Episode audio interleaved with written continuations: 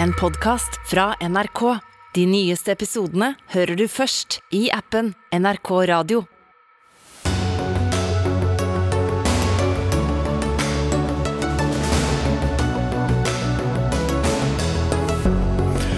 Havvindeventyret starter nå, sa regjeringen og avholdt enda en pressekonferanse om havvind. Utbyggerne er interessert, men usikre på lønnsomheten. Titusenvis av voldsofre står i fare for å miste erstatning pga. ny voldsofferlov. Venstre beskylder regjeringen for å mangle en plan for hvordan det hele skal innføres. Britene har kåret uh, årets nyord, og det involverer å leve som et uh, småtroll. Og familieterapeut rådet par til å dele passordet til mobilen med hverandre. Dette er å legitimere et maktmiddel for en sjalu partner, advarer skribent. Ja, dette er noen av sakene i Dagsnytt 18 tirsdag. Jeg heter Espen Aas. Så rakk vi altså enda en pressekonferanse om havvind før regjeringen tok juleferie. Havvind som stadig skal være med på å sikre oss mer kraft, sikre det grønne skiftet og at vi når klimamålene. Havvindeventyret starter nå, var meldingen på dagens pressekonferanse fra olje- og energiminister Terje Aasland. Regjeringen vil lyse ut uh, områder på havvindfeltene Utsira nord og Sørlige Nordsjø 2 i første kvartal neste år. Og så skal det tildeles felt i løpet av året, er planen. Aasland selv hadde ikke anledning til å komme, men Andreas Billan Eriksen, du er statssekretær i Olje- og energidepartementet fra Arbeiderpartiet. Så hva er eventyret som starter?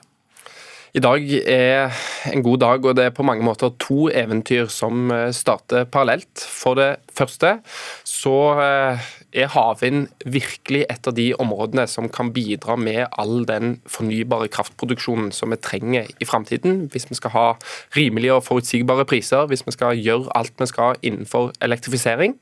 Og Samtidig så er det et område der vi virkelig har store muligheter til å bruke de miljøene vi har, den kompetansen vi har i Norge, til å skape en ny næring, nye arbeidsplasser. Så her skal vi både få tilgang til mer fornybar kraftproduksjon, og samtidig skape nye jobber for framtida. Men med fare for at du akkurat fikk et déjà vu, eh, har vi ikke sagt dette på de foregående pressekonferansene om havvind også? Det har vært sagt før, og det målet om hva havvindsatsingen skal innebære, det har jo ligget fast uh, over tid. Samtidig så, uh, fra vår side så var det jo en slags anerkjennelse når vi kom inn i regjering 14.10 i fjor, at Norge lå langt bak på havvind. Vi hadde gjort altfor lite. og Jeg er ikke så opptatt av snøen som falt i fjor, men da måtte vi i hvert fall virkelig dra i gang tempo, få opp fokus, få opp interessen for å gjøre noe med dette i Norge. Det siste året så har vi satt et ambisiøst mål om 30 gigawatt, og nå konkretiserer vi, materialiserer vi starten på satsinga. Eh, eh, blir nerdete og tekniske og beskriver hvordan vi faktisk skal, ja, skal gjennomføre Utsira Men, men når er det operativt? Eh, vi håper jo at eh, disse møllene på Utsira nord og Sørlige Nordsjø 2 kan starte å produsere fornybar kraft senest eh, innen 2030. Og jeg har en drøm og en ambisjon, som statsråden òg sa tidligere i dag, om at det kan skje enda tidligere enn det. Og det er jeg helt sikker på at vi skal jobbe nært med bransjen for å få til i praksis. Før vi alle blir Martin Luther King jr. her, så Hildegunn Blindheim, du er administrerende direktør i Offshore Norge. Dere er jo også ivrige og vil at dette skal igangsettes. men hvor lønnsomt er det? Nei, eh, Flytende havvind er jo ikke lønnsomt slik at det kan komme inn på markedet eh, alene. Så det er klart For Utsira Nord, som er ment for flytende havvind, eh, så vil det være behov for støtte. og Det er også omtalt i det som ble lagt fram i dag. Men det er jo meningen at dette her også skal bli lønnsomt på sikt. Vi jobber jo for, vi satser jo ikke på dette for å ha subsidier herfra til evigheten. Så vi er veldig fornøyd med at vi har fått dette her i dag. Vi har gått og trippet og ventet på at vi kan komme i gang. Det betyr også at vi, vi forventer videre at at regjeringen følger den planen, og det sa de også. Eh, utlysning i eh, slutten av første kvartal og, tildeling i løpet av neste år. Men det vi trenger er jo nettopp dette. Vi trenger å komme i gang og bygge. Det eneste måten å få ned kostnadene på, det er å få skala på utbyggingene, lære av det Eh, bygge ut neste trinn. Eh, og Det er der vi får ned kostnadene. Så Selskapene våre eh, som satser på havvind, har jo definitivt ambisjoner på at dette skal kunne konkurrere på markedet på strøm på lik linje med annet. Men hva skal da det koste per kilowattime for at dette skal være lønnsomt? Hva blir prisen? Ja, Det vil jo avhenge av mange ting. Eh, det vi har mest fokus på nå, er jo at eh, får vi holdt tidsplanen, hvis regjeringen også holder det de har sagt i dag, eh, effektivisere prosessene for å få dette i gang raskt, slik at vi kan komme i gang. Vi trenger mer fornybar energi til alt vi trenger å elektrifisere her i Norge. Europa trenger masse. Så jeg tror prisen det tror jeg vi skal være forsiktige med å si noe om nå. Det avhenger også litt av rammer. Det er klart det er viktig, og det vil selskapene våre sitte og regne på. De har nok eh, sine forventninger om hva de skal greie å få til. Eh, det er litt forskjell på bunnfast og på flytende. Eh, litt forskjell også på hva blir faktisk rammene på utlysningene som kommer. Kan du opplyse oss, Eriksen? Hva bør prisen være for at dette skal være lønnsomt? Altså, Prisen bør jo være så lav som mulig, og det er jo bakgrunnen for at vi både i Sørlige Nordsjø 2, der vi tror at det er realistisk å kunne tenke seg at man kan bygge uten støtte i det hele tatt, og så får vi se hva bransjen kan levere på, men òg i, i Utsira Nord skal ha gode virkemidler for å sørge for at prisen blir så lav som mulig. Det har vi passa på å legge inn i alle kriterier her. Det er ingen tvil om at dette må være konkurransedyktig hvis vi skal klare å levere 30 gigawatt med havvind innen 2040. Men samtidig så må vi jo huske på at pris er på en måte ikke det eneste som er viktig i denne fortellingen. I Utsira Nord har vi jo lagt stor vekt på innovasjon, teknologiutvikling. Ja, men nå må vi huske på at for flytende havvind særlig, så er vi inne i en veldig tidlig fase. Og vi er opptatt av å bruke den satsingen på Utsira Nord til å legge til rette for at norske teknologibedrifter, og norske industribedrifter kan være med og ta en rolle innenfor flytende havvind eh, spesielt, men òg fra havvind generelt, sånn at vi kan bygge næring, bygge arbeidsplasser er jo ikke en dugnad. Det er jo ikke derfor dere er med, Oline. Eh, nei, men Det vi har gjort på, i olje og gass, som vi nå gjør på havvind, er jo at vi skaper et hjemmemarked. Vi får testet ut, vi får etablert oss alle biter av leverandørkjeden her som skal levere inn til havvind og selve utbyggingen. Det er jo noe vi kan ta med oss og eksportere. Og vi kan da by globalt og bli en global markedsaktør, spesielt kanskje på flytende havvind. Mm. Men foreløpig så skal det levere strøm til Norge? Foreløpig skal vi, men med da den læringen vi får i det vi da leverer av strøm til Norge, så kan våre leverandører og operatører på havvind da, eh, de kan da ta dette med seg ut og by på prosjekter i helt andre land enn Norge. Men vi trenger et hjemmemarked for å virkelig få ned kostnadene og lært å ja, hvordan, hvor kan man eh, få til eh, teknologiutvikling? Hvor kan man, hvordan kan man det, gjøre det? Det skjønner jeg, men fortsatt så er det jo ikke da en dugnad. Så hva er det departementet til Eriksen da må komme med av garantier til dere, hvis dere skal holde på med utbygging i sju år framover? Ja, nå er det jo, eh, En ting er at våre selskaper selvfølgelig satser og legger inn ganske mye av dette her selv, selv. sant? De også bruker jo egenkapital på å få det fram. Men det, det selve utbyggingen, så kan det både på Sørlige Nordsjø 2 være behov for noe støtteordninger. På Utsira Nord så er jo regjeringen også enig i at det må til. Og så akkurat hvor mye, det må vi nesten se på. For det avhenger selvfølgelig av det som kommer også i selve utlysningen i første kvartal neste år. Mm. Hva er mest lønnsomt å bygge ut havvind til kun det norske markedet, eller også legge kabler til utlandet? Altså, Vi har jo sagt eh, hele veien veldig tydelig at det å se på hybridløsninger der vi òg ser på hvordan vi skal tilknytte oss eh, andre land, det er en helt naturlig del av det å utvikle 30 gigawatt med havvind. Det vil ikke være behov for 30 gigawatt med havvind mata inn i det norske strømnettet. Men så må vi passe på at hvis vi skal gjøre det, så skal vi gjøre det på gode måter. Eh, det er ingen tvil om at vi må sørge for at vi ivaretar norsk industri, passer på prisene i Norge. Det er regjeringen utrolig opptatt av. og Derfor har vi òg satt ut et eh, oppdrag til NVE som skal ta stilling til, se på virkningen av hybridkabler, hvordan vi kan sette det opp på en god måte før vi tar stilling til det konkret. Mm. Sånn at vi kan sikre at det ikke går utover strømprisen i Norge. Og så er vel ikke Arbeiderpartiet og Senterpartiet helt enige om de kablene heller? Jeg tror vi er helt enige om at vi skal finne gode måter å gjennomføre havvindsatsinga på. Og jeg tror òg vi er helt enige om at vi må bidra til å utvikle en helhetlig infrastruktur dersom vi skal få til det i praksis. Anders eh, Bjartnes, redaktør i nettavisen Energi og klima, også skrevet eh, boken 'Det grønne skiftet'. Ja, Havvind eh, har vi diskutert så mange ganger i dette studio at jeg tør ikke å telle antall ganger en gang. Men hvordan ligger vi da an, ut fra det som har blitt sagt på denne pressekonferansen? Vi ligger jo langt etter eh, mange andre land i Europa. Men dette er samtidig et viktig steg sånn som jeg oppfatter det, til å komme i gang. ikke sant? Å komme litt lenger enn til bare powerpointen og komme videre. Så tror jeg dette her er bra. Og, og, og, det er et steg da, i riktig lei.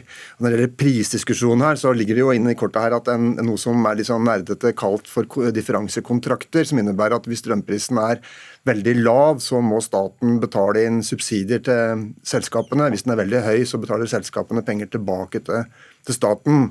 Og Det er den samme modellen som har vært brukt i Storbritannia bl.a. Så er det liksom en fornuftig måte å gjøre det på. da. Så, ja. ja. Men det betyr jo også at uh, dersom uh, det i et marked er en, er en lav pris, så er, kan jo dette havvindeventyret bli litt dyrere enn i et marked med, med høy pris. da. Ja, men sånn er det jo. Og så er det langt fram. Altså Hva som vil være strømprisen i Europa i Nordsjøen i 2028-2030, det er jo vanskelig, veldig vanskelig å si. Og, og jeg tror at den, det å ha da en sikkerhet for de som skal bygge ut dette, det er jo svære milliardinvesteringer. De må vite sånn omtrent hva det er de har i inntjening. Og, og, og, det, og da må du ha et system som legger til rette for det. da. Og Der er det jo grunn til å være bekymra etter den høsten. her. Det har vært så mye uro om nettopp rammevilkår for fornybar energi i Norge. fordi at Hvis du ikke klarer å rigge det slik at dette er interessant for pensjonsfond og sånne ting, så, så, blir kapitalen for dyr, og da blir det enda dyrere. Så Det er et element som er viktig i den videre framdriften her. At en sørger for å gjøre det attraktivt for, for folk som er, er, store virksomheter som er interessert i å investere mye penger med relativt lav avkastning. Men hva vet vi om prisbildet da i andre land som har eh, flytende havvind? Flytende havvind ja, det vet vi lite om. fordi det er veldig lite som er bygd av det. Det, jo, det som er bygd, er bygd med støtteordninger av forskjellige slag. Da. Mens den bunnfaste er jo bygd med mer i økende grad uten det, men med lange kontrakter gjerne, og noen sånne prissikringsmekanismer, sånn som, som, eh, som det er snakk om her òg. Ja, så, og så vet vi ikke liksom, hva stålet vil koste, hvor mye konkurranse det blir om andre råvarer. Det er, det er jo mange sånne ting som er usikre, og enda mer usikre enn før pga. Energikrisen vi står i og Ukraina-krigen. Og med så mange usikkerhetsmomenter, i hvert fall akkurat nå, hvorfor er dette den beste ideen? Den beste ideen det er en god idé, fordi det er den teknologien som kan gi eh, mye strøm på lang sikt, altså skikkelig mye strøm. Det, det, det, som kan gi noe på kort sikt, er jo andre ting, som er liksom solenergi og enøk og sånt, sånt noe, som da kan hjelpe til i det kortere bildet. Men det som kan gi liksom virkelig store energimengder i, det, i et eh, sånn 2035-perspektiv, det er havvind et stykke tid uh, ennå og mange usikkerhetsmomenter. Takk til Anders Bjartnes, redaktør i nettavisen Energi og klima, Hildegunn Blindheim, administrerende direktør i Offshore Norge, og statssekretær uh, Andreas Bjelland Eriksen fra Olje- og energidepartementet og Arbeiderpartiet.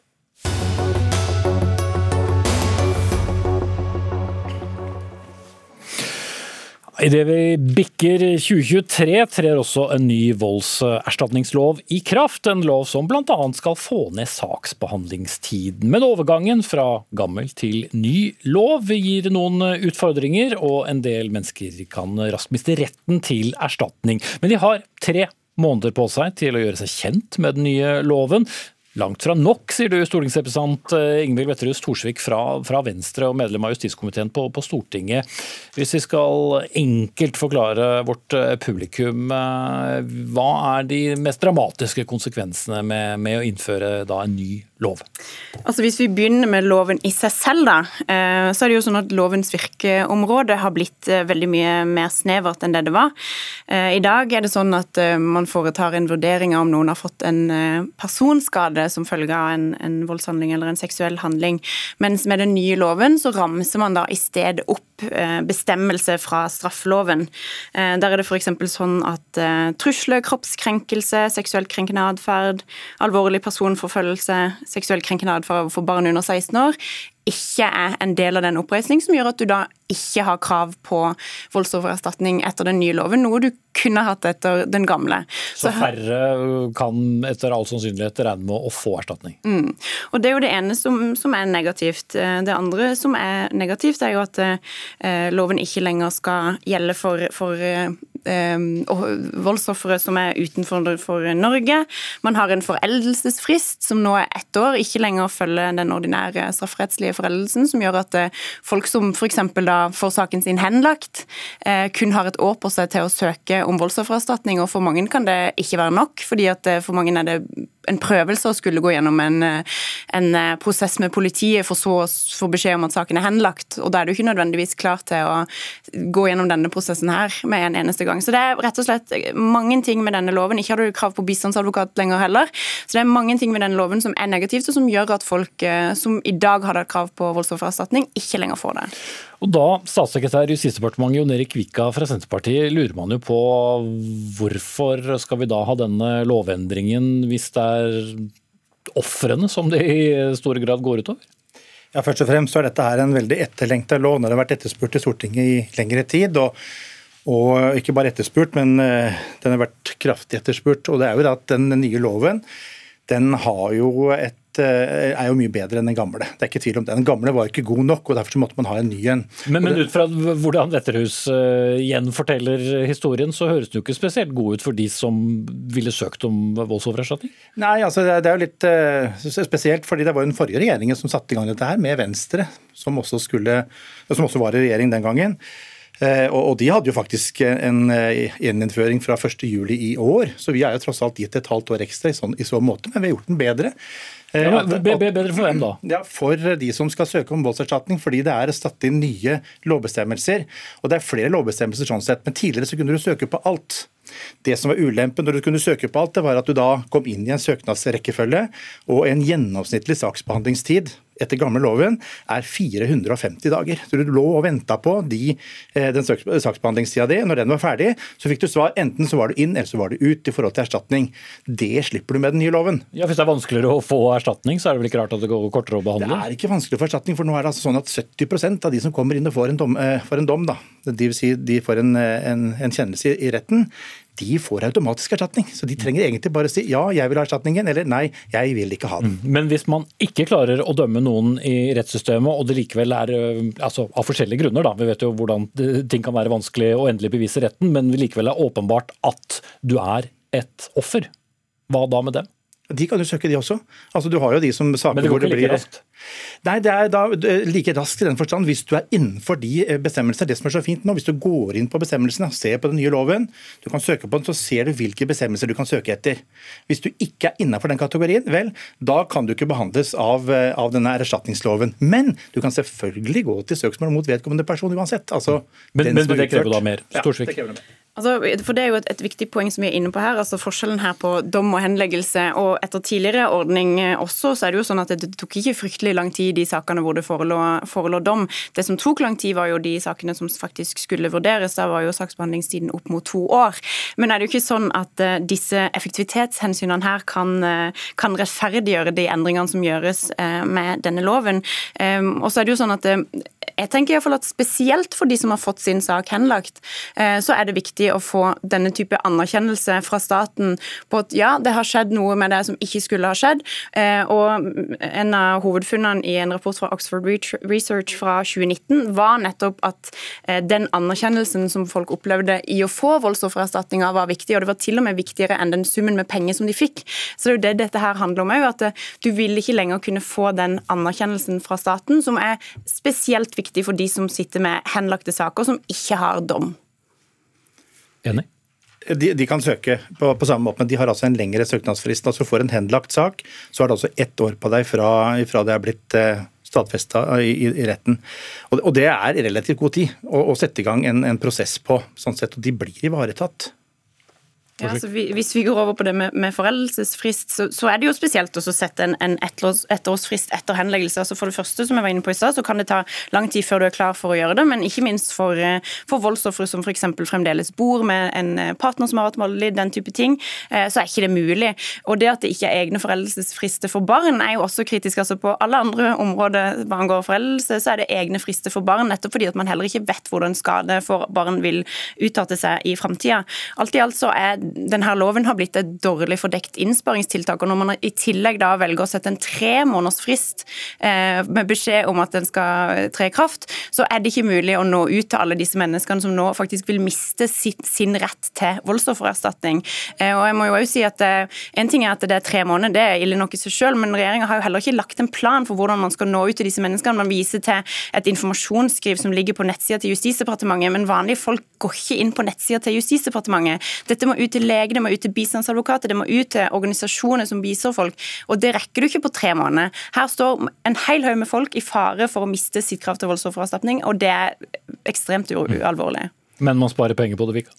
Det er en ordning som treffer mye bedre enn tidligere. og det vil si at De mest alvorlige tilfellene er de også som da blir tatt mest hensyn til.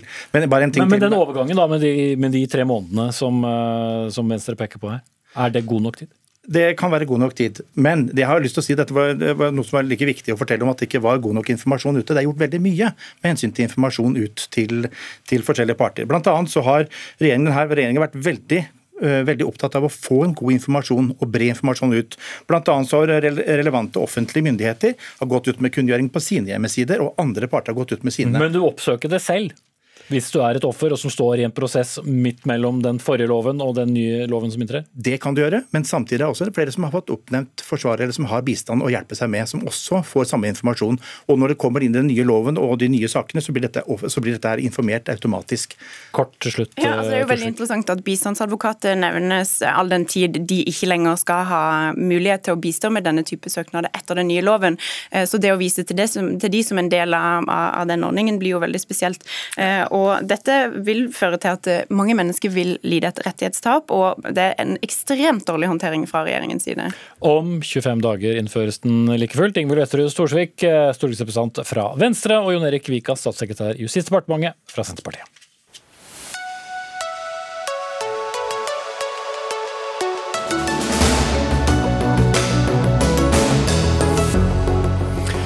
Litt senere i Dagsnytt pelsdyrbøndene de ble tvunget til å avvikle driften og ble lovet erstatning. Men den erstatningen har de foreløpig ikke sett snurten av, selv om Senterpartiet sitter i Landbruksdepartement og regjering. Nå noe helt annet. Redaktøren av Oxford-ordboken, eller Oxford Dictionary om du vil, har avgjort hva som er årets nyår i Storbritannia. Trommevirvel Goblin Mode. Og hva i all verden er det? Spør du deg. Det har vi også spurt oss eh, i dag. Det er en slags tilstand der du ikke bryr deg så veldig mye om hva andre synes om deg. Det er i hvert fall en veldig populær emneknagg på Twitter, stedet vi alle liker å hate. Språkviter og forfatter Helede Uri, hvis du skulle forklart goblin mode, hva, hva er det? Ja, det er i hvert fall det motsatte av det å stå opp klokken fem om morgenen og ta 85 armhevinger og så drikke en sånn spirulina-drikk etterpå. Så det er jo en sånn uh, væremåte hvor man ikke gidder så mye å bli sittende i joggebukser og spise ostepop og ja, litt sånn. Litt sånn som vi så ut under denne pandemien som vi så vidt erindrer. Men har vi noe godt norsk ord? Altså goblin, for de som husker uh, Harry Potter for eksempel, så var det jo en sånn slags eh, husnisse der, men, men, veldig langt unna de nissene som vi nordmenn har noe forhold til. Ja, eh, Det er jo oversatt med gnom i Harry Potter-bøkene. Men jeg, jeg syns ikke det gir helt rette assosiasjoner, så jeg hadde tenkt å kanskje foreslå noe sånt noe som eh, sånn slappfiskstil eller uh, murmelmodus eller noe sånt noe? Veldig godt uh, bokstavrim der. Uh, kulturkommentator her i NRK, Ingmerete Hobbelstad. Hva ser du for deg med dette uttrykket eller ordet? Du, jeg syns begge de to komponentene av det ordet faktisk er ganske interessante. Fordi På den ene siden så har du da dette goblin, som vi kan snakke om hva er. At det er liksom en gnom, det er en nisse, en vette. Det er uansett noe menneskelignende, men noe som ikke er helt sivilisert. ikke sant? Noe som kan se for seg er litt mer sånn underjordisk og litt mer gir etter for sine impulser, som kanskje er å spise ostepop på senga, ikke sant? Eller dette. Men så er det jo dette mode, som antyder at det er en modus. Med andre ord, du er ingen nisse eller gnom eller vette. Det er en modus du kan gå inn i og ut av. Um, og jeg tenker at det, det er en sånn måte å forholde seg til den liksom konsensusen vi har om når vi går ut og er sammen, så følger vi visse koder. ikke sant? Vi er relativt rene og pene, vi har pusset tenner. Um, vi er kledd noenlunde passelig for anledningen. ikke sant? Og så er det da det som er det motsatte, som er på en måte å gå ned på butikken på hjørnet i pysjamasbukse fordi du bare må ha en pose marshmallows til. ikke sant? Altså Den, den liksom følelsen hvor du ikke bryr deg om presentasjonen. da. ikke sant? Hvor du ikke bryr deg om gnom. Nei, den kommer ikke helt frem, frem, i gnom. Vette er kanskje mer, men vett bruker vi ikke så mye. Så det er en nøtt, det der, altså. Men, ja. men jeg syns likevel det er, et, eh, det er et talende ord. Ja, for det er noe folk åpenbart er veldig glad i når du ser på sosiale medier sånn Å, endelig er det snart jul, og jeg kan gå inn i goblin mode eh, og nærmest eh, gjøre hva du vil. Men hvorfor skulle dette være et uttrykk nå? Vi var jo liksom litt sånn ferdig med det der altså- forfallet og sånt, var vi ikke det? Alle har jo en indre goblin som av og til vil ut. Ikke sant? Så kjenner, Det er jo veldig gjenkjennbart. Og så tror jeg kanskje det har noe å gjøre med at vi er litt sånn lei av å mene ting. Jeg syns det var interessant at et av de konkurrerende ordene var hashtaggen, eller emneknaggen, I stand with. Ikke sant? Mm. Og at vi kanskje er litt lei av å hele tiden måtte mene noe, hele tiden måtte produsere meninger om veldig store og kompliserte temaer. ikke sant? Vi skal mene noe om metoo, vi skal mene noe om kjønnsuttrykk, om krigen i Ukraina. Vi slår... ja, så du slipper selv det i Goblin Mode? Da kan du bare gi helt rakkeren. Du kan til og med spise kanskje ostepop med hendene og ikke spise pinne. Men du sier også med grunn til at, at, den er så populær, da, det er jo noe med at det er en sånn frihet fra skam. For disse tingene som du da gjør i Goblin Mode, det er jo ting du vanligvis ville vært litt flau over å bli sett med og sett når du gjør. Altså Jeg har stått ved liksom, eh, kassa på matbutikken og tenkt at oi, nå er det bare usunne ting på båndet. Liksom, og tenkt litt på hva, hva, han eller hun i kassa tenker om meg. ikke sant? Eh, man har sikkert liksom vært ute av huset fordi man bare må kjøpe noe med håret til alle kanter og ingenting. Og hvis man blir sett, da, så er det jo den litt sånn oi, det skulle litt sånn ønske. ikke sant? Folk har sett deg uten den prosessen som skal til før du er klar til å møte folk. da. Eh, mens det er noe i Goblin Mode som ligger at du gir litt blaffen i det. Og Det tror jeg kanskje er det folk føler litt frigjørende. da. Nå er jo da dette som har vært inne på et, et britisk ord, og nettopp det at det er britisk, gjør det det noe ekstra også? Briter har jo litt annet forhold til kleskodeks, hvordan du skal være i forskjellige sammenhenger, hva slags dresskoder osv. Du, Storbritannia er jo et fascinerende land sånn sett. altså Veldig kodifisert, veldig hierarkisk på mange, mange, måter. ikke sant? Det er jo noe av det nordmenn elsker å dra til Storbritannia, er jo den høfligheten man møter, og de liksom kodene og talemåten og alt dette. Men under den overflaten så ulmer det jo en veldig aggressivitet. Det er jo også landet der man roper til hverandre i Underhuset, ikke sant? på en måte som ville vært utenkelig i Norge. Eh, det er landet der tabloidene, tabloidene kaster seg etter folk på en måte som, som virkelig ikke ville skjedd eh, så mange andre steder. Så det er jo noe med at under denne veldig polerte, høflige, kodifiserte overflaten, så er de egentlig goblins, da, kanskje. Og det er kanskje det vi ser litt uttrykk fra nå, en sånn eh, goblin som slipper fri. Ja, litt sånn rop om hjelp under den der eh, konforme ytre med skoleuniformer og jobbuniformer? Det er jo da man har lyst til å ta på seg joggebukse. Kanskje joggebuksemodus? Nei, vi må tenke litt mer på et norsk avløserord her. Eh, folk i hvert fall mine barn og andre går jo mer og mer også her i pysjbukser på skolen. Man trener i, i pysjbukser. Altså vi, har vi lært noe av å være i pandemi, hvor vi ikke helt måtte være som alle andre?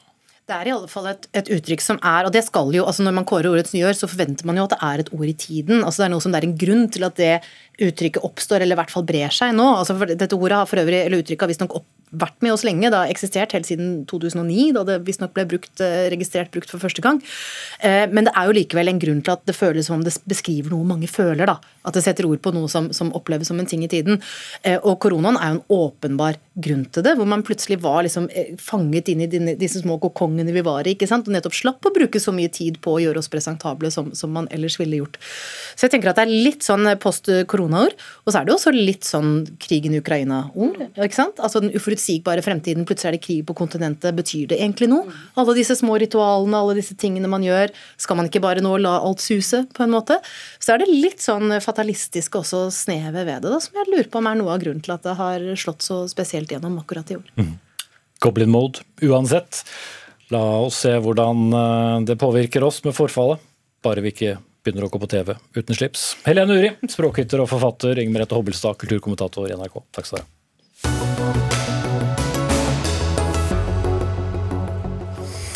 Jeg hadde, sånn nær sagt, eh, vi skal fortsette litt i, i, i samme modus. Dvs. Si vi skal snakke litt mer om dette med hjemmekontor, som alle ble så vant til. Men diskusjonene rundt konsekvensen av hjemmekontor er strengt tatt eh, neste tema. Og dette går nå høyt mellom flere av landets eh, største arbeidstakerorganisasjoner. LO undervurderer kvinner når de påstår at bruken av hjemmekontor kan være en likestillingsfelle. Ja, det slår lederen for Akademikerne fast i VG. Bakgrunnen for det hele er et forslag fra Venstre om å gå gjennom arbeidsmiljøloven for å se om regelverket kan mykes opp for å gjøre det enklere for flere å jobbe hjemme. Og eh, Lise Lyngnes Randaberg, leder i nettopp Akademikerne. Det er du som mener at LO undervurderer eh, kvinnene, og forklarer litt eh, hva som har eh, blitt sagt som har fått deg til å konkludere slik? Nei, altså Vi får jo et inntrykk av at kvinner må beskyttes litt mot seg sjøl for å ikke ta dårlige valg, verken karrieremessig eller i forhold til jobbleveranser. Og Da tenker vi at kvinner blir eh, undervurdert. Kvinner er fullt ut i stand til å ivareta egen karriereutvikling og jobb. Og Hjemmekontor er jo en veldig viktig fleksibilitet, uansett hvilken livsfase du er i. Og vi ser at det gir rom for konsentrasjonsarbeid, det gir rom for mindre pendling og eventuelt mer tid til familie. Men vi ser jo også at kvinner faktisk er mer på jobb enn menn. Så de er jo nettopp der og ivaretar karrieren sin. Mm.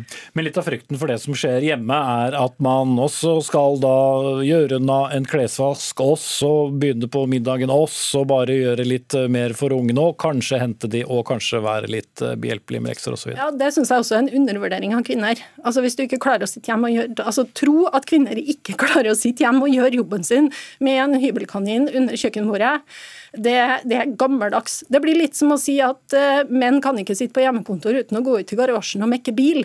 Og Da begynner folk å trekke på smilebåndet. ikke sant? Altså, Da ser du litt uh, hvordan balansen faktisk ble. Ja, Julie Ludrup, førstesekretær i, i LO. Glemte du å sjekke året på, på kalenderen her? 2022, er, det, er, vi fortsatt så stereotype i, i kjønnsrollene? Altså, vi vet jo at det er kvinner som gjør mest husarbeid, eh, at det er de som gjør mest med barna, og at ikke minst det er kvinner som i størst grad tar det såkalte tredje skiftet, som handler mye om planlegging og eh, organisering av hjemmet. Eh, så dette er jo ikke et individuelt valg der man kan velge å ta seg sammen eller ikke. Det er jo strukturelle utfordringer i likestillingskampen. Hvordan vet vi det? Eh, altså det er masse tidsbrukundersøkelser eh, som viser at det generelt er sånn. Og Likestillingssenteret hadde også en undersøkelse som viste at den effekten ble forsterket under pandemien. At kvinner oppga at de brukte enda mer tid på husarbeid og andre hjemmeoppgaver når da eh, en stor del av Norge var på hjemmekontor. Eh, og det er jo ikke sånn at hver enkelt kvinne bare kan bestemme seg for at nei, nå skal jeg drive med likestilling. Eh, for de som hørte på Nyhetsmorgen i dag, f.eks., så ble det lagt frem en rapport som viste at kvinner som har samme jobb på samme arbeidsplass i privat sektor tjener mindre enn menn på samme jobb på samme arbeidsplass. Det er ikke fordi jeg undervurderer kvinner, det er fordi at vi har strukturelle likestillingsutfordringer som vi må ta på alvor. Det er bare blant dine mastergradsmedlemmer dere ikke har det, Randaberg? Vi ser jo eh, vi ser jo mer på det som faktisk et likestillingstiltak. Eh, hvor eh, fleksibiliteten er viktig for å få livet til en familie til å gå i hop. Og eh, vi ser jo at flere menn enn kvinner ønsker å bruke hjemmekontor. Det er flere som har mulighet til det. Og de får mer støtte for å ha hjemmekontor. Det tenker jeg er en større likestillingsutfordring. Og det Altså at sjefene syns det er mer greit at en mann er hjemme enn Nei, men det, skiller, det speiler skillet mellom flere kvinner jobber i offentlig sektor Flere menn jobber i privat sektor. Privat sektor er mye bedre på å få til gode hjemmekontorordninger for sine ansatte. Der har vi en utfordring som er interessant å diskutere. Eh, Likestillingsmessig så er det jo kanskje en fordel at menn sitter på hjemmekontor da, og har tid til å hente i barnehagen og hjelpe til i familien. Så, men, ja, men, så vi, vi, ser jo, vi har jo spurt, vi ser jo ikke noen statistisk forskjell. Vi ser en liten tendens til at flere kvinner går på jobb enn menn. Ja, men jeg tror at En ting som vi må kunne være enige om, det er jo at det er klassikeren at det trengs mer forskning. For Du refererer til én undersøkelse dere har gjort, men Finansforbundet, eh, Revisorforbundet, også deres eget forbund Naturviterne, har gjort undersøkelser som viser det motsatte. At flere kvinner ønsker å være hjemme, spesielt flere unge kvinner ønsker å være hjemme enn unge menn. og disse forbundene, i tillegg til LO, har jo satt til orde for at dette kan være likestillingsutfordringer. Og det tror jeg på at det viser at Hvis masse organisasjoner har undersøkelser, så er det ikke noe galt med de undersøkelsene i og for seg. Men, men, men henger alt sammen? Men, men, hvis vi da anerkjenner, som du sier, at ok, kvinner tar en større andel av husarbeidet hjemme, og det nikkes sikkert veldig foran mange radio- og TV-apparater, men er det det samme som at det vil skje også når de jobber hjemme, eller vil det skje på andre tider av døgnet? Er det gitt at det er eh, som en del av arbeidsdagen? Ja, her tror jeg jo at folk eh, er, er ulike, eh, men det er jo i og for seg heller dette er egentlig ikke som er mitt, min hovedbekymring. Hovedbekymringen er jo likestillingsmulighetene på jobb. Fordi at vi vet jo at det å, være, det å bli sett da, rent fysisk og konkret, har veldig mye å si for uh, om du blir satset på, om du får nye spennende oppgaver, uh, om det er kanskje du som blir sendt på et mm. etter- og videreutdanningskurs. Og hvis ikke og hvis, du er på jobben med de andre kollegene, men er superflink på hjemmekontoret, så mister du den muligheten. Så blir du sett i mindre grad. ikke sant? Du kunne gjøre en kjempegod jobb på hjemmekontoret, mens en kollega der gjør akkurat den samme jobben på kontoret, og også snakker i lunsjpausen, også prater rundt kaffemaskinen, også er med de uformelle beslutningene, så havner du litt bakpå. Enig, Randeberg? Altså, vi, De aller fleste ønsker seg jo en kombinasjon av hjemmekontor og fysisk kontor på jobben. Og Vi ser jo da at flere kvinner faktisk tar det ansvaret og går på jobben og er synlige der, enn menn. Mm. Eh, kanskje det er en sånn underliggende årsak, men i alle fall så gjør de det. Jo, men, men, hvis vi tar bare det fenomenet med å være fysisk til stede på arbeidsplassen, målt opp mot det å det være hjemme, vil, da, vil, du få de samme mulighetene hvis du er den på kontoret Der, som er oftest hjemme? Det er jo nok et eksempel på et område der vi er helt enig trenger bedre faktagrunnlag. Men eh, Sånn som tallene er nå, så er det ikke noe forskjell på kvinner og menn. Det er kanskje litt flere kvinner som går på jobb, for å være, kanskje for å være synlige, for å møte kollegaene sine. Det vi så i løpet av pandemien, var jo at folk savna det sosiale med å være på jobb. Og spesielt de yngste savna å være på jobb. De syntes også det var vanskelig å skille mellom jobb og privatliv eh, i større grad enn andre. Det tenker vi er en lederutfordring. Det ble lederne bedre på i løpet av pandemien, fordi det var så mye mer av det. Men Eh, generelt så ønsker jo de fleste seg to, tre, to, typisk to dager hjemme i uka. Og da er du jo på jobb tre dager i uka og er synlig. Mm. Dra på jobb for, for, å slappe av, som du sier. Det er ikke så svart-hvitt. Det er ikke mm. så svart-hvitt. Men, men, er det også ikke en liten forskjell? Én ting var noe, hvordan ting var under pandemien, hvor du måtte være hjemme. Det er jo ikke der vi nødvendigvis eh, er eh, nå.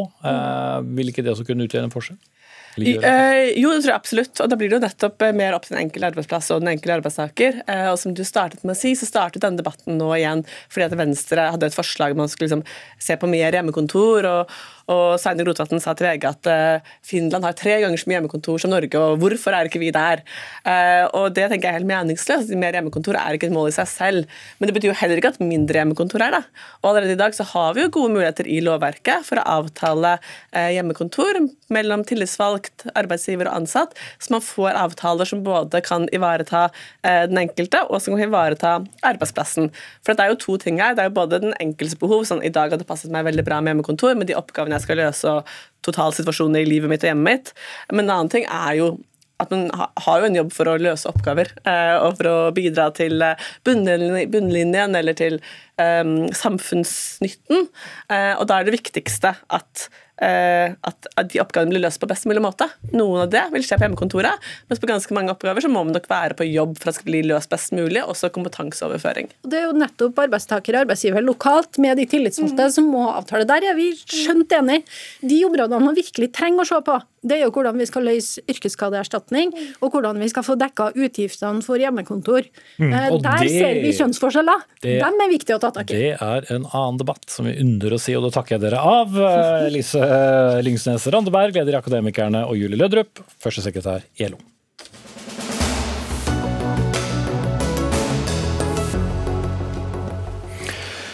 Tidligere pelsdyrbønder fortviler nå over eh, det de kaller en langdryg erstatningsprosess. Og ordførere fra de to regjeringspartiene, Arbeiderpartiet og Senterpartiet, ber om at regjeringen rydder opp, så de får utbetalt den erstatningen som Stortinget har vedtatt men som har uteblitt. Og Bakgrunnen for det hele, det husker vel sikkert mange, men jeg sier det likevel, var at næringen ble tvangsnedlagt av et flertall på Stortinget i 2019, da det var en annen regjering. Og nå har takseringen av verdiene på gårdene eller farmene stoppet opp etter at Landbruksdirektoratet i november slo fast at avtalen med Norsk landbrukstakst er brutt. Og Med oss eh, på linje er du, Merete Myhre Moen, det er ordfører i Tynset i Østerdalen fra Senterpartiet. og Du sa til Nasjonen nylig at dette rett og slett er forferdelig behandling eh, av folk, og eh, at da disse erstatningene blir enda mer forsinket. Hvordan er situasjonen til pelsdyrbønder nå? Jo, men Det er helt riktig. Jeg syns det er helt forferdelig. For det første så har jeg lyst til å si at jeg er jo lite imponert over den forrige regjeringa som da la ned hel næring gjennom en hestehandel på Jeløya. Det syns jeg var lite seriøst og mangel på respekt for en næring som for så vidt var omstridt, men allikevel drev seriøst da, og hadde fått eh, politiske signaler kort vei i forveien egentlig om at næringa var ønska videre. Mm, men, Så men, det blir veldig ja, men, men, det var det som skjedde da, og så er vi der vi er uh, nå. og det, vi, det er da tre år siden dette vedtaket. Det stemmer. Eh, og Siden det ikke har vært rydda av denne regjeringa, så er det den nye regjeringa som nå må ta tak i situasjonen. Eh, og så opplever vi jo at det jo går dessverre trått. da. Men jeg håper jo at det er gode grunner for det. Men det er viktig at det kommer på bordet hvorfor det går så trått. For nå trenger vi litt rask framdrift i denne saken for å sluttføre den. For det, eh, jeg tenker at pelsdyrnæringa har lidd nok, da. Ja, Det har vært en lang prosess og en lang eh, avliving eh, om du vil, av, av denne næringen over mange år. Det ble, ble, vedtatt, og så har det vært mange runder på hvordan denne erstatningen skal fastsettes. Og det at dette nå trekker ut, hva betyr det konkret for det som du har snakket med? Altså, det er jo veldig mye usikkerhet. Eh, de skal jo over i andre jobber. Skal de investere? Eh, de har ofte gårder. Eh, hva er det de skal satse på? Hva skal de investere på? De sitter med gjeld og har mer enn nok med å betale renter og avdrag. Så det er krevende. Så jeg syns absolutt de fortjener at saken nå blir som sagt sluttført, og at de vet hva de har å forholde seg til framover. Så har jo du da partifeller i regjeringskontorene, ikke minst i Landbruksdepartementet. Vi skal snart høre fra henne nå, men, men hva skal Sandra Borch gjøre? Eh, jeg tenker at eh, jeg har full tillit til at hun gjør det som må gjøres. At hun nå rydder i dette her. Eh, og hun må trolig inn med noen styringssignaler overfor Landbruksdirektoratet. Eh, vi vet jo ikke helt hvorfor denne prosessen har stoppa opp. Eh, vi gjør oss noen tanker, mange, eh, men vi forstår jo ikke helt de årsakene de har kommet ut med i media. Men uansett da, så tror jeg, jeg tror nok at hun gir styringssignaler inn i departementet og har som mål å prøve å rydde opp i dette her nå. Og Det er det aller aller viktigste, sånn at det blir fortgang i det. Mm, bli med oss videre, du, og da er du det. Sandra Borch, landbruks- og matminister fra, fra, Senterpartiet. La det være hevet over tvil at du ivret ikke for nedleggelse av denne industrien, men nå er vi nå der. Men hvordan kan det da ha seg at på din vakt, som det så populært heter, at denne erstatningen blir stående og slure? Eh, jeg har ingen problemer med å være enig med ordføreren i Tynset. Dette er en svært eh, kjedelig sak. Eh, og nå bruker vi mye ressurser på å prøve å løse den så raskt som overhodet mulig.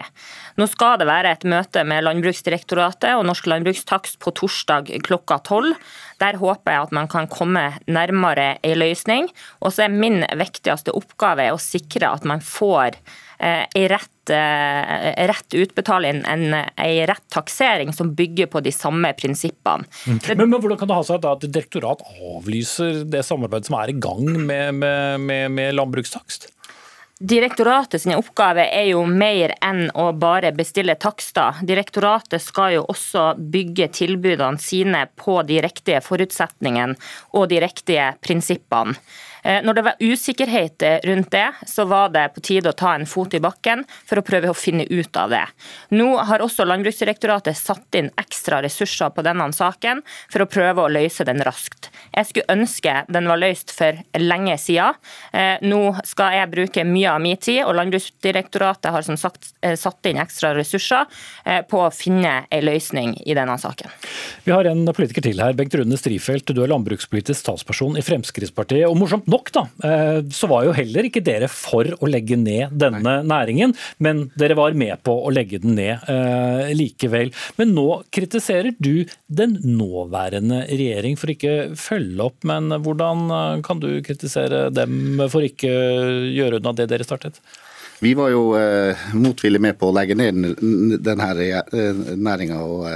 Ja, vi har også jobba for å få en god pelsdyrkompensasjonsordning på plass. Jeg var også saksordfører når den ble behandla i, i, Stortinget i forrige periode.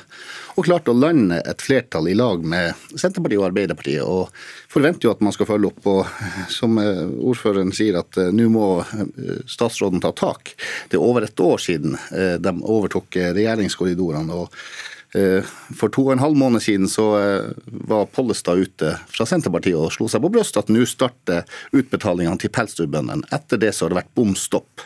Jeg har innkalt Borch til Stortinget tre ganger uten å få noe svar.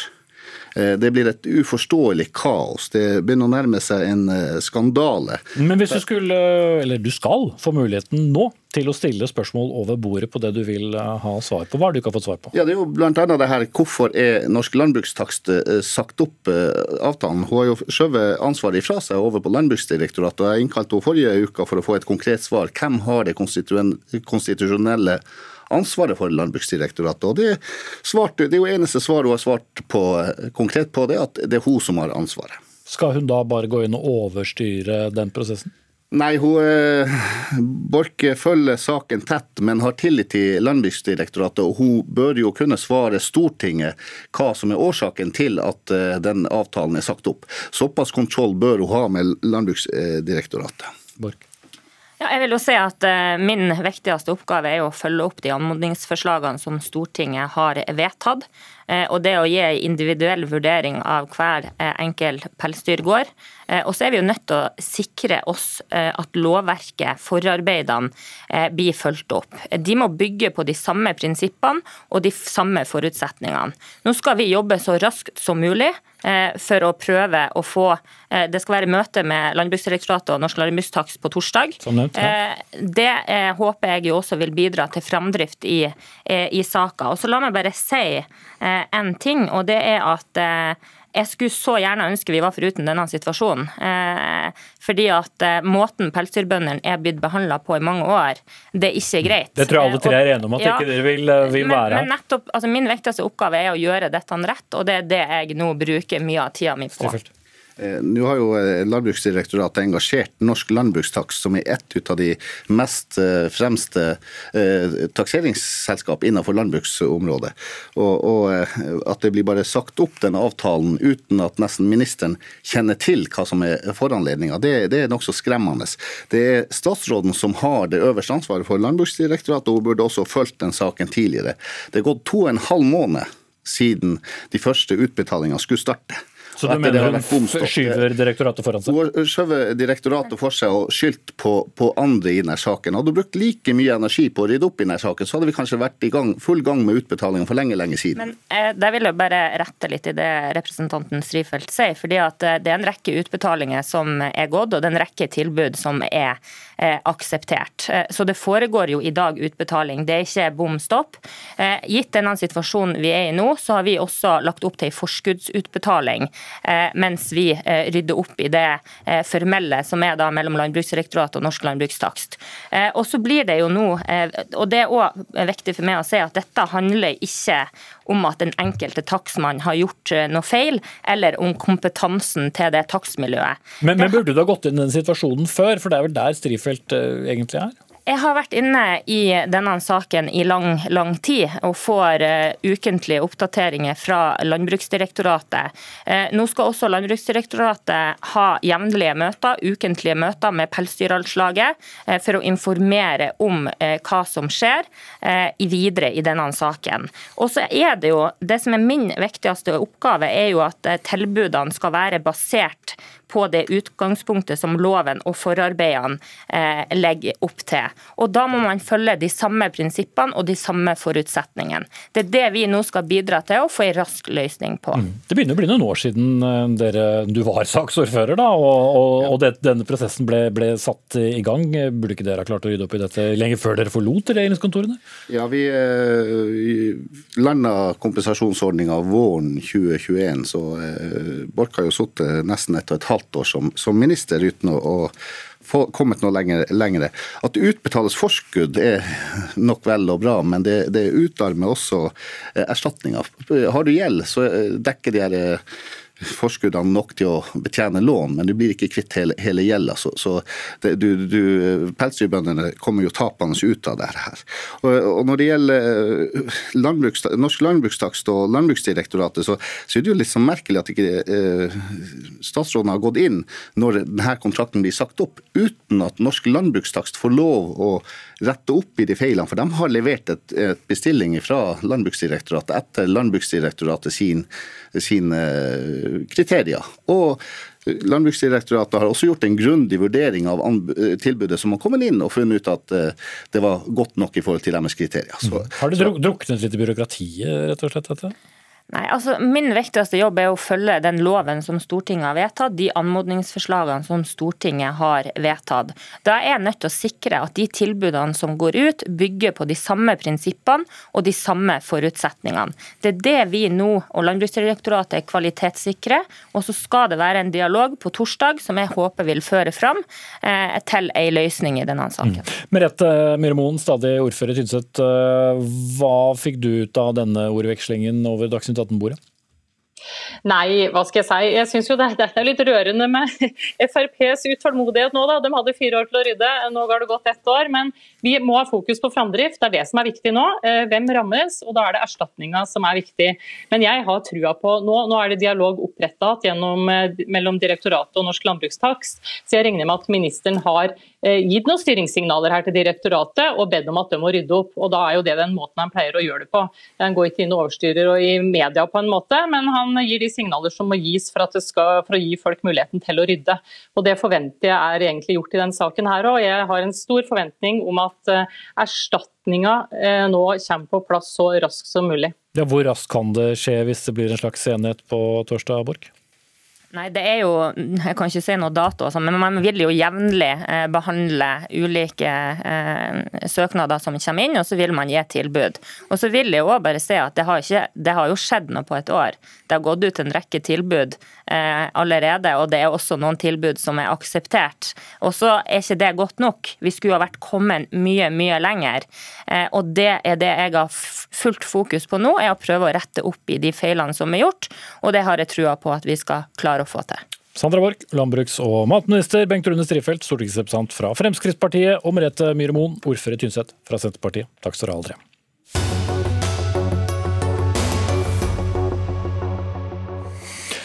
Evig tro til passordet faller. Mobiltelefoner tar som kjent mye av vår oppmerksomhet, også når vi sitter hjemme og chiller i sofaen med vår nærmeste.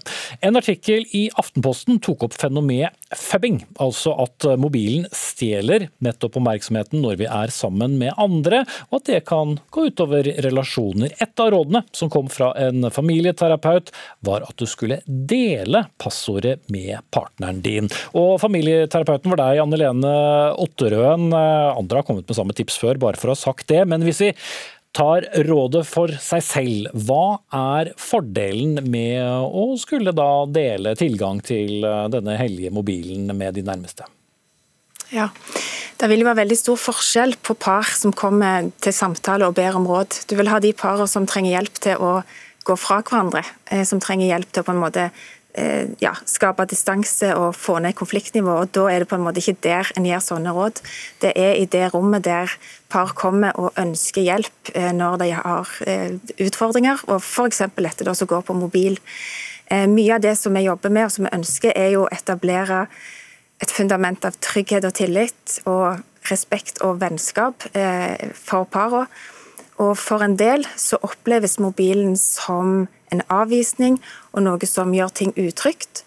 Eh, og i noen settinger så kan det å dele eh, passord hjelpe mennesker til å få en økt trygghet. Vi kommer inn i parforhold med ulik grad av trygghet. Vi har med oss ønska og uønska kompetanse.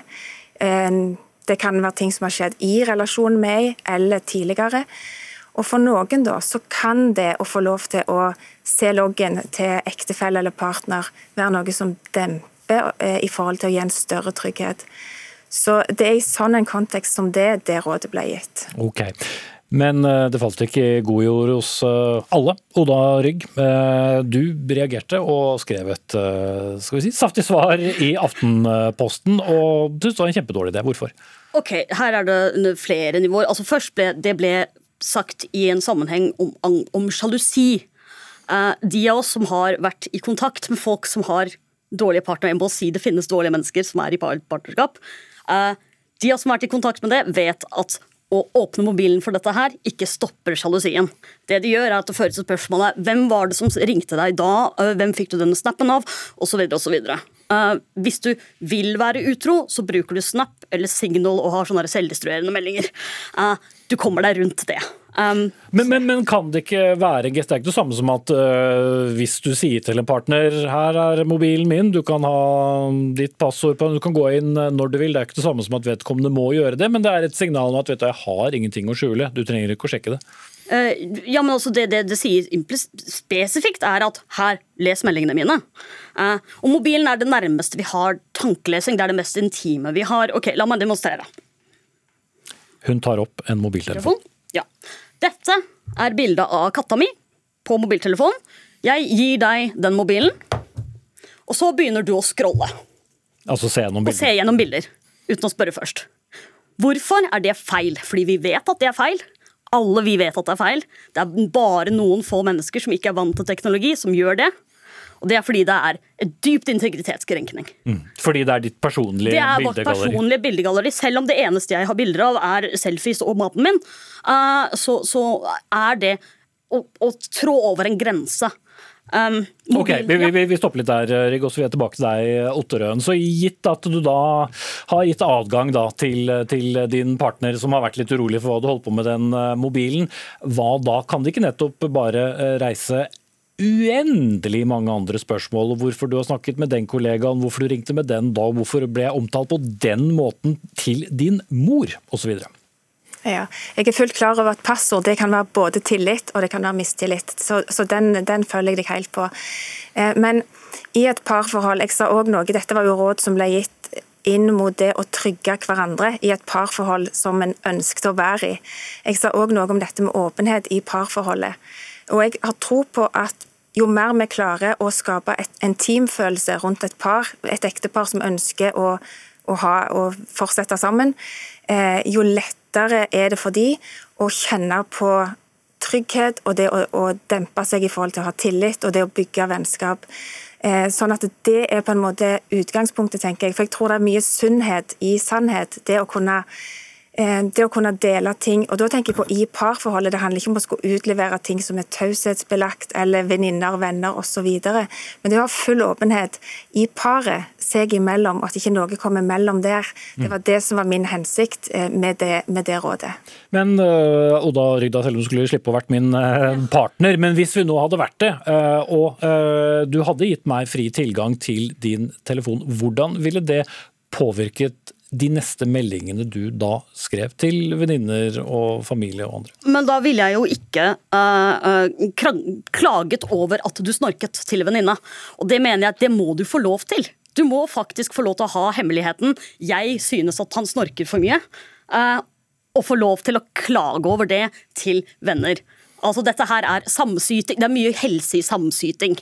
Um, men, men ja. kunne du ikke også inngått en avtale og sagt at uh, vet du hva, uh, gå og se på leseloggen min, gå og sjekk uh, bildene mine, men jeg låser meldingstjenestene? Men det gjør du jo ikke. Det er absolutt ingen som gjør det. dette er en sånn IT-sikkerhetsbegrep. Convenience beats privacy every time. du kommer til å skru av ting som er i veien. Altså måtte putte på ekstra passord på ting.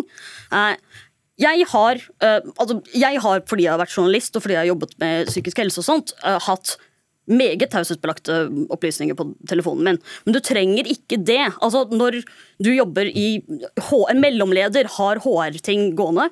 En en, uh, Hvis du jobber med barn, så får du informasjon om barnevernssaker. Du får informasjon om mm. Men, men nå påpekte vel Otterøen at det var ikke dit hun ville uansett? ja, men det, det, det, spiller ingen rolle. Du har gitt tilgang til noe som du har skrevet. Ja, men altså, Du har skrevet under en taushetserklæring. Den har du ikke skrevet under på vegne av meg og kjæresten. Nei, men, men, det som jeg vil fram til, er at eh, både du og meg vet Oda, at det er ikke lov å dele ting, vi som jobber med, med ting som er taushetsbelagt. Vi har ikke lov å dele jobbmail og telefon telefon. Så det må jo holdes utenom. Dette Men klarer du det når du likevel ligger på telefonen? Ja, det klarer du. Eh, det klarer du.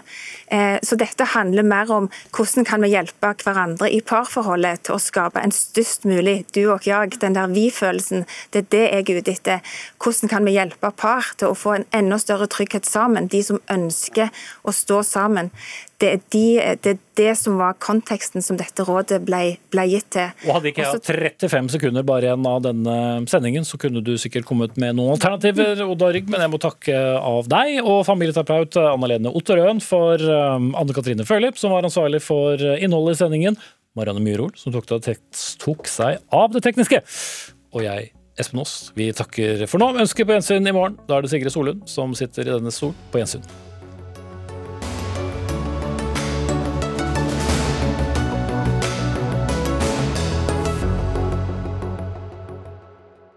En podkast fra NRK. De nyeste episodene hører du først i appen NRK Radio.